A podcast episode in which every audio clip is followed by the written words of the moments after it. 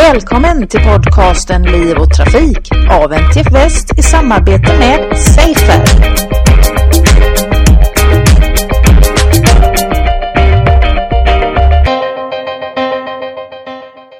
Liv och Trafikpodden träffar idag Carl Define Licht som är doktor i praktisk filosofi och du är anställd vid Chalmers och RISE som är associerade vid Safer. Välkommen till podden Carl. Tack.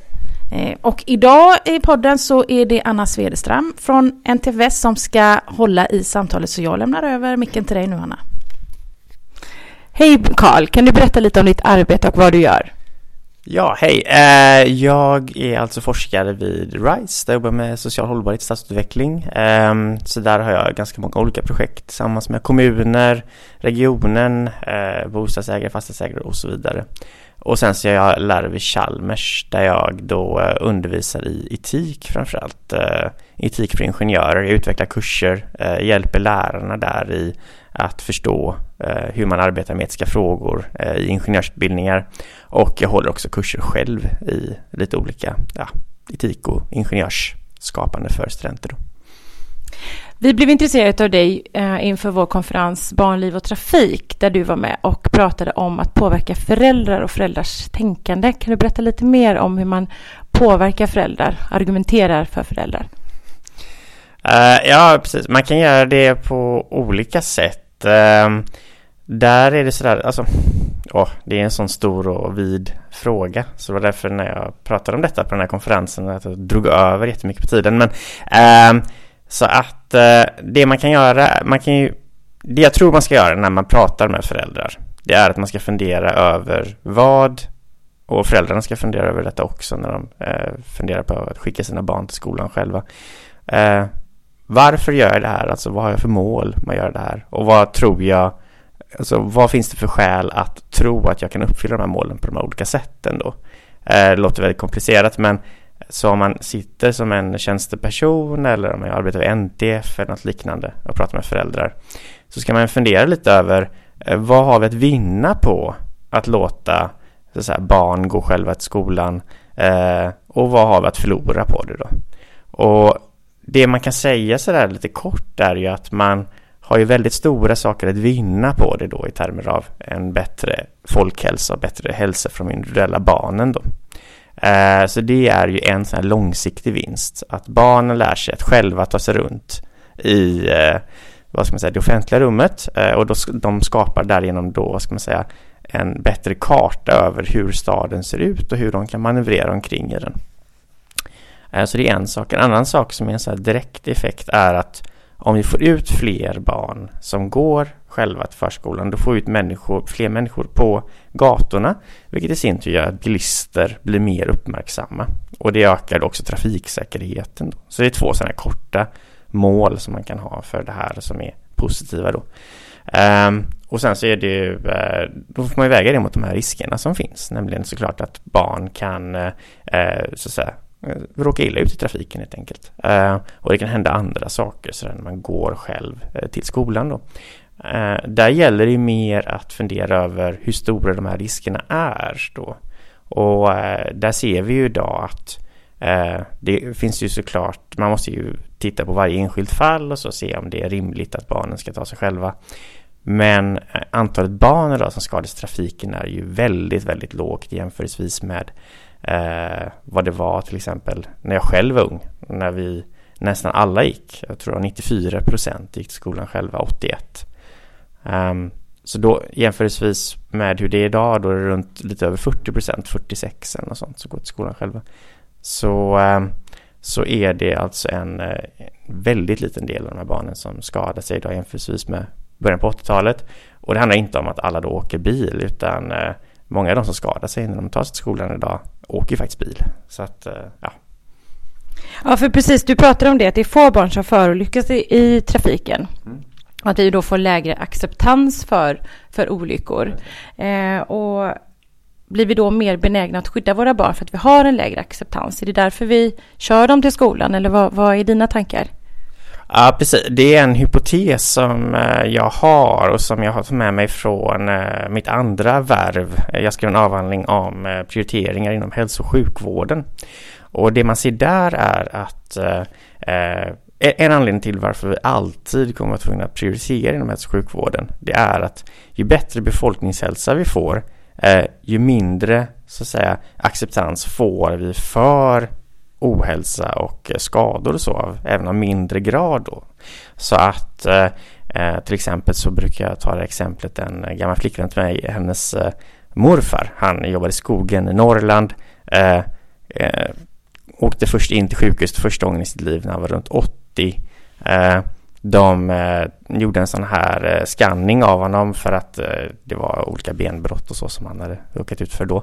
Eh, och så såg de att han hade kanske ett hundratal brott på olika ben som hade läkt själva då.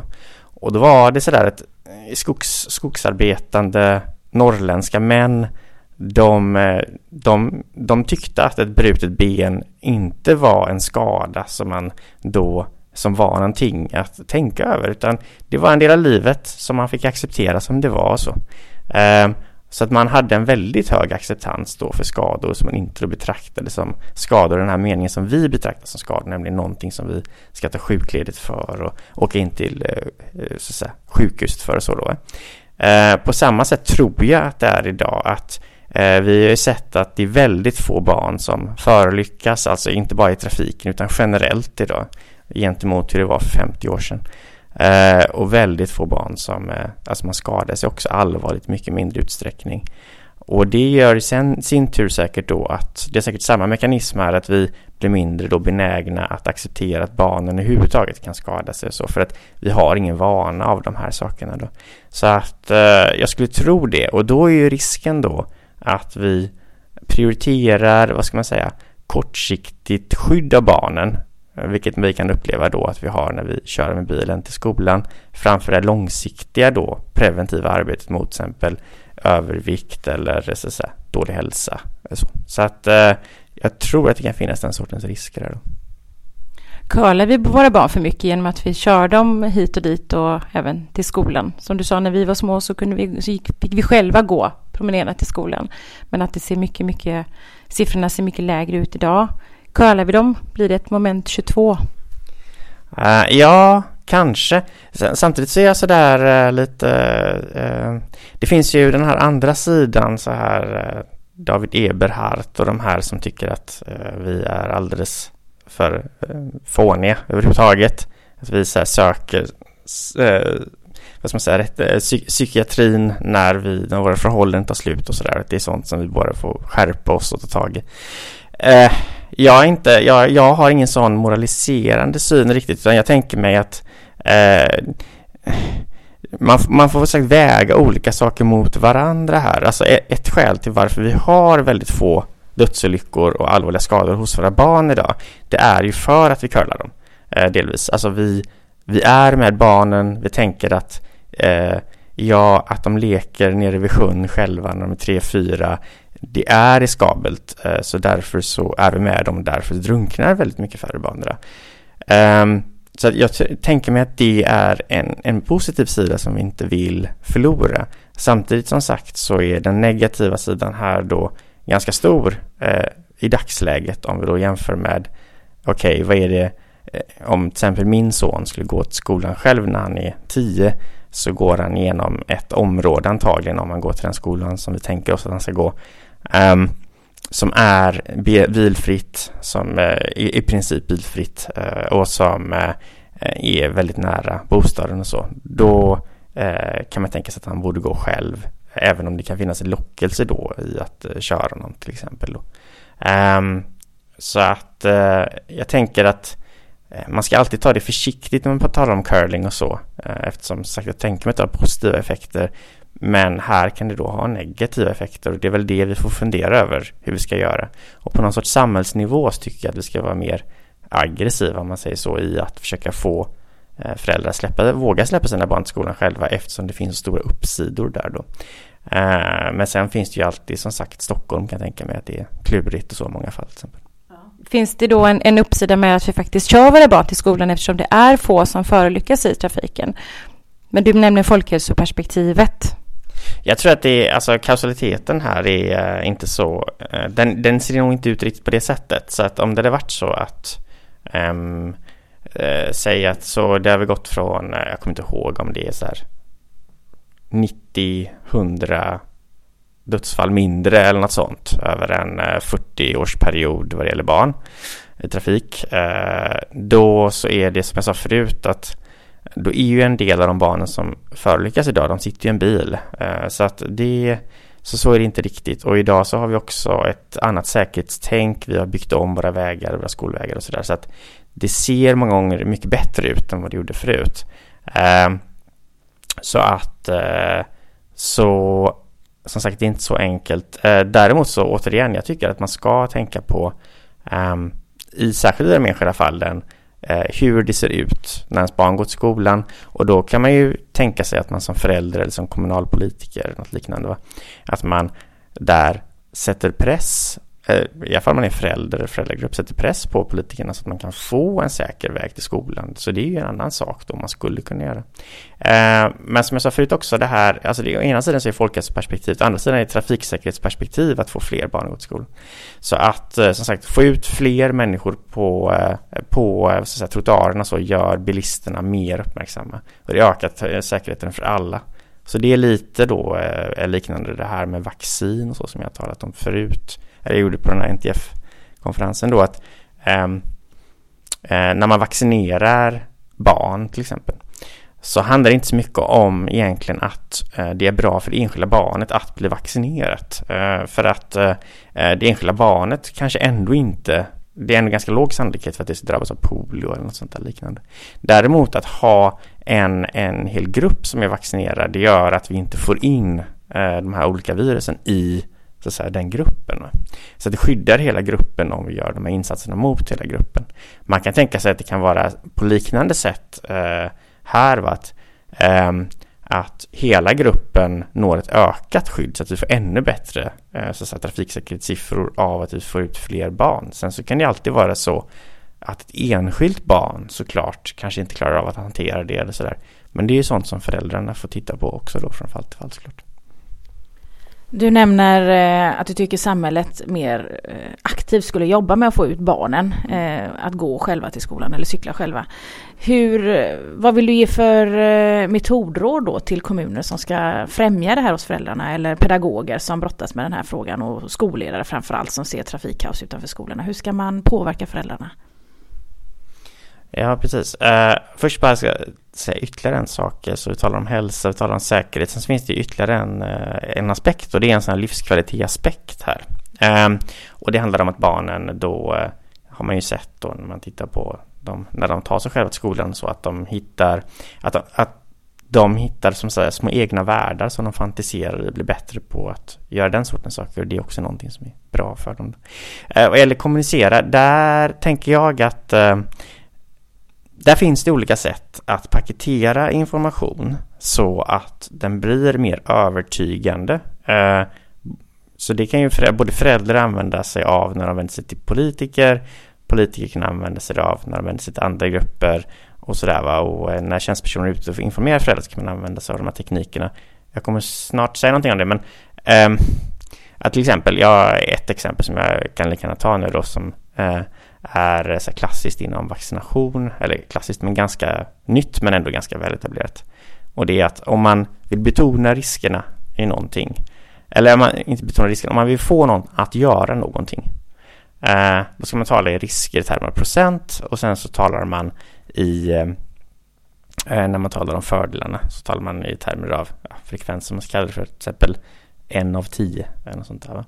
Så att eh, om till exempel man på NTF vill att föräldrar ska gå mer eller få sina barn att gå till skolan då ska man prata om fördelarna då till exempel eh, i termer av eh, hälsa. Då kan man ta en av tio är eh, överviktig. Och sen så kan man ta det i procent i termer av risker då, alltså 0,0 vad kan det vara 0,1 promille av alla barn som går själva till skolan eh, riskerar att då vara med om någon sorts olycka så som är allvarlig eller som då gör att de avlider eller sådär. Eh, det är ett sätt för att människor är sämre på att förstå, eh, sämre att ta in sådana här abstrakta procentsatser jämförelsevis med att ta med, ta in då de här eh, så att säga, andelarna eller vad man nu ska kalla det för. Så det är ett sätt. Det finns många liknande sätt, så det kan man titta på när man tittar på nudging som ni kommer att prata om i ett senare avsnitt här. Ehm, hur man gör det mer exakt.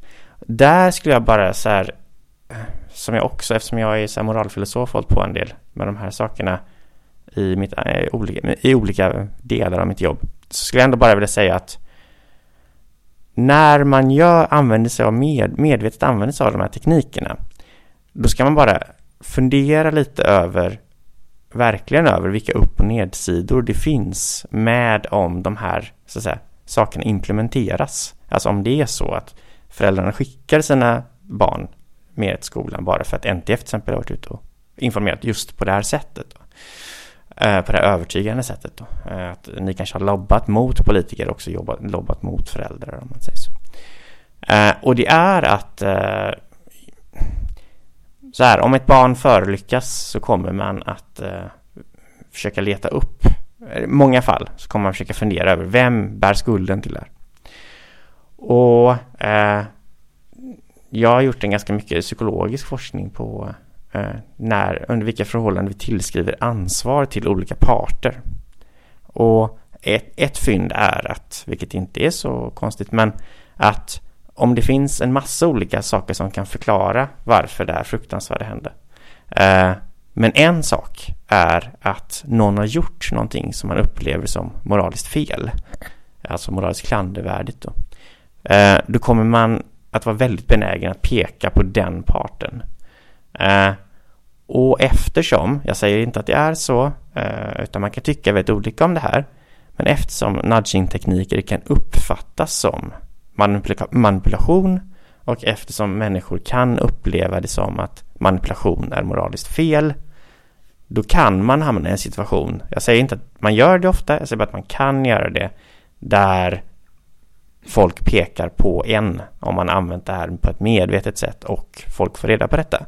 Så det finns en risk med att använda sig av väldigt sådana här elaborerade tekniker för att få igenom sina, eh, sin vilja då. Så att återigen, jag tror att i den situationen ska man då ha tänkt igenom noga innan varför man gjorde som man gjorde så att man kan säga att ja, men vi gjorde det på grund av det här och det här. Och det var inget vi till exempel, vi ljög inte om någonting, vi, eh, vi hade rätt korrekt information som vi förmedlade och så vidare.